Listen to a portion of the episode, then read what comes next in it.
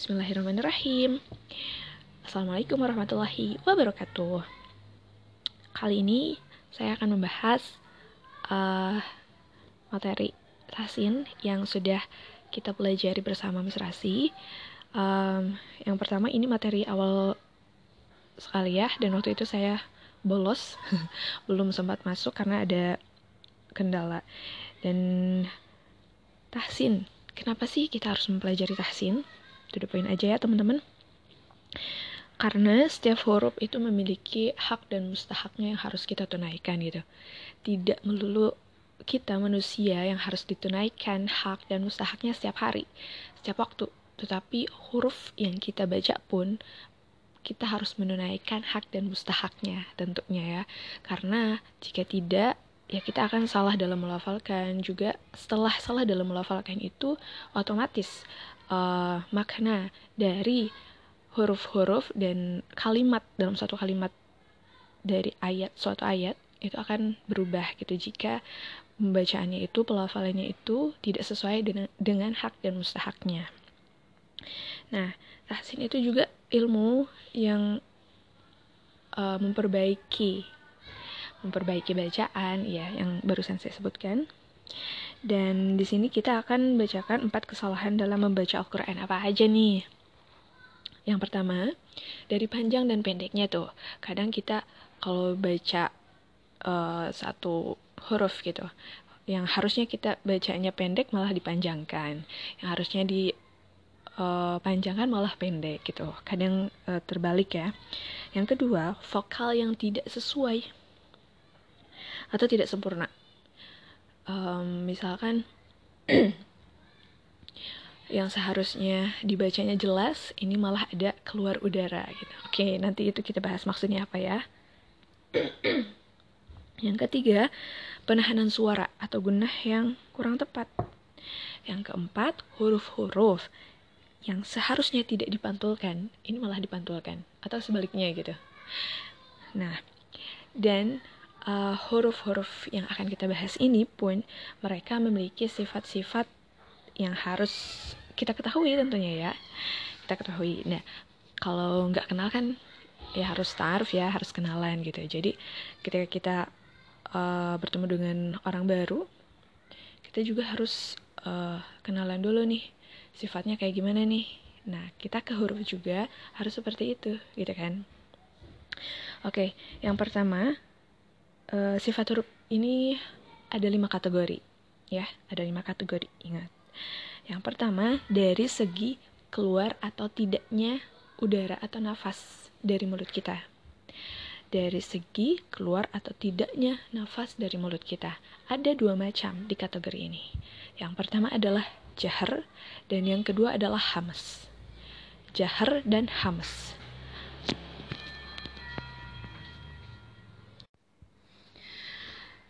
Nah, jahr ini keluar jelas, artinya jelas. Karena tidak ada udara atau tidak ada nafas yang keluar dari mulut kita.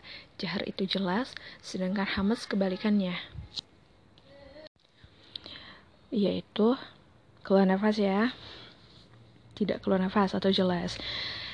Uh, kalau hamas tadi apa? Maaf, agak belibet ya. uh, tidak keluar, eh, hamas itu keluar nafas. Atau ada sedikit nafas yang apa ya sedikit.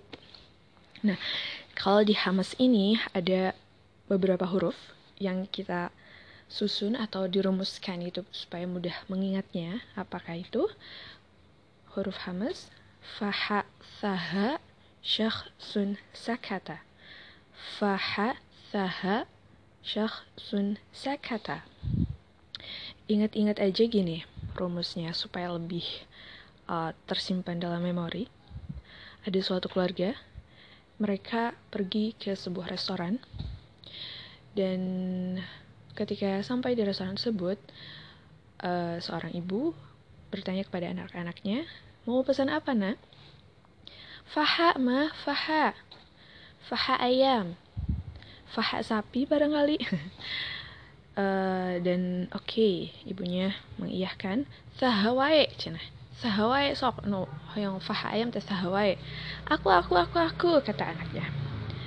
Oke setelah deal-dealan dengan anak-anaknya oke syah ya syah syah.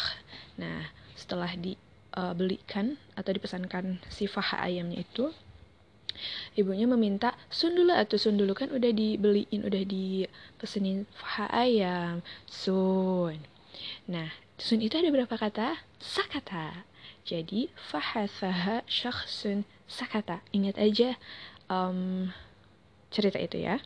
Itu huruf hams. Oke. Okay. Dari segi yang kedua nih, kategori yang kedua. Ada dari segi suara. Segi suara ini ada tiga macam. Apa aja tuh ya? Ada syiddah, ada tawasud, dan rohwah. Syiddah tawasud, dan rohwah. Syiddah itu apa? Syiddah itu artinya kuat.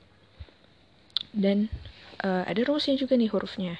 Supaya kita mudah mengingat uh, huruf mana sih yang termasuk syiddah, tawasud, dan rohwah.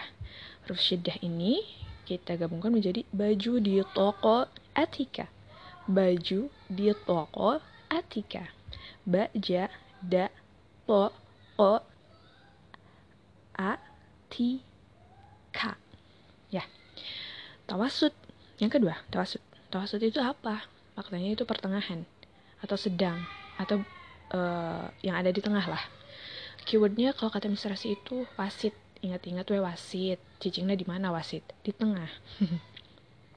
di tengah-tengah ya, nggak mungkin di gang senggol tentunya. Oke. Okay.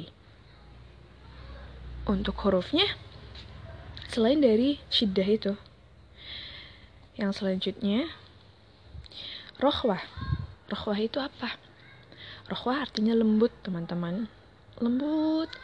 Ingatnya roh. Aduh, sek jadi merinding. Roh. roh halus. Atau ya kalau orang Sunda mah suka bilangnya lelembutan. Jangan ingat yang dia ke sana gitu ya. Sebagai kata kunci. Jangan ingat-ingat roh halusnya, jangan. Uh, apa apa saja huruf rohwa? Huruf rohwa itu dari itu sama dengan hamas ya fahasaha syakhsun sakata dan yang intinya yang selain dari uh, tawasud dan syiddah. Maaf saya kelewat. Tadi syiddah itu ada rumusnya juga teman-teman. Ya Allah maaf sekali ini.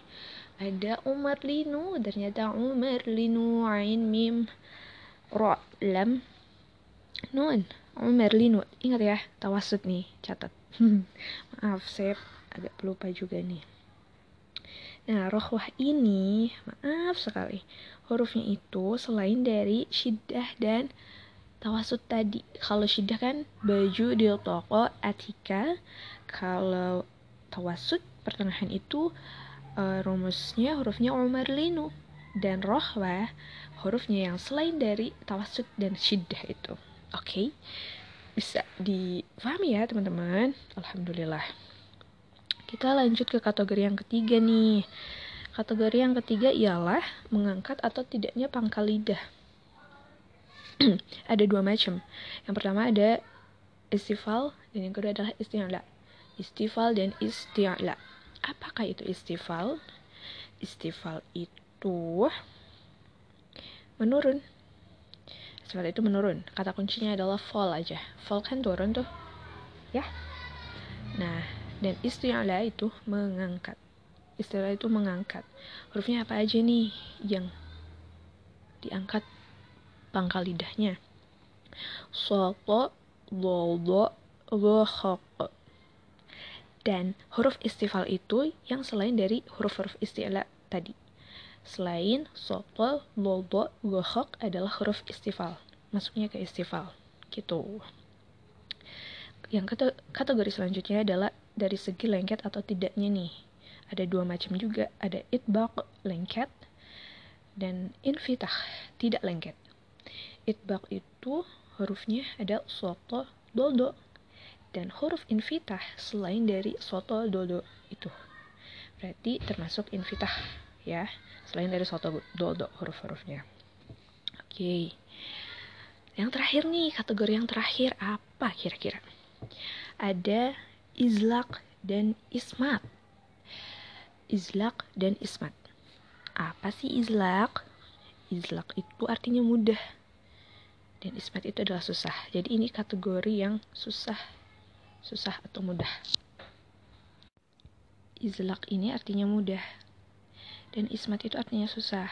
Nah, apa aja nih hurufnya, rumusnya? Yang izlak dulu ya, yaitu faman libur. Faman libur.